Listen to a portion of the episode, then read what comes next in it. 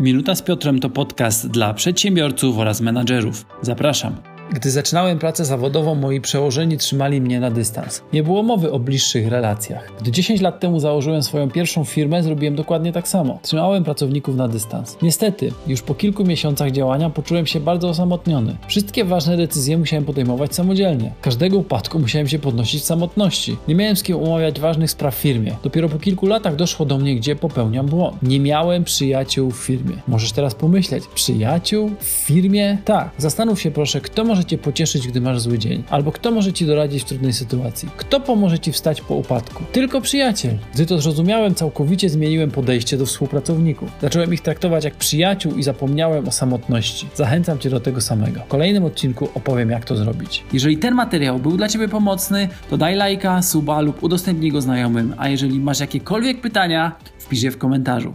Powodzenia!